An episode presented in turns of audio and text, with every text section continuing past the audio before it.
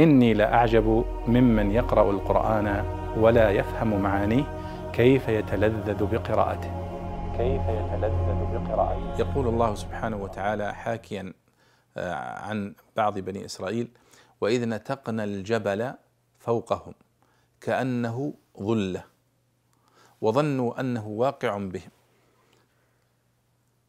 خذوا ما آتيناكم بقوة واذكروا ما فيه لعلكم تتقون. ما معنى نتقنا؟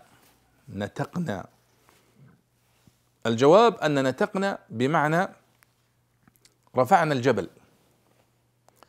الله سبحانه وتعالى عندما أمر بني إسرائيل ولم يستجيبوا للأوامر رفع جبلا عظيما فوق رؤوسهم وهددهم به.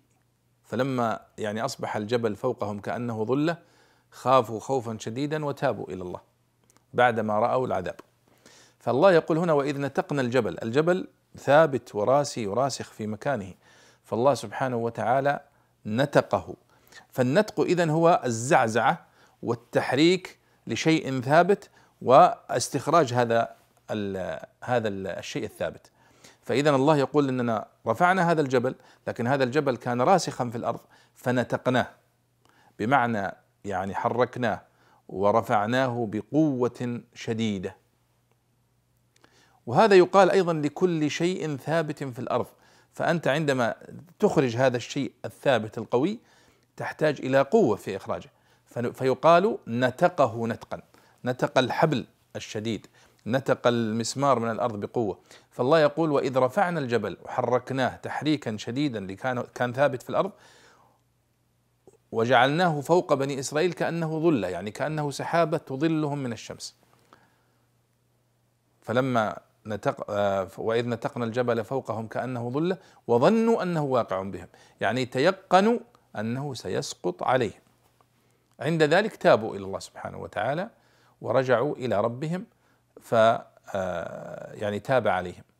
لكنها توبة تحت التهديد. والله سبحانه وتعالى يحكي لنا هذه القصة حتى نتجنبها.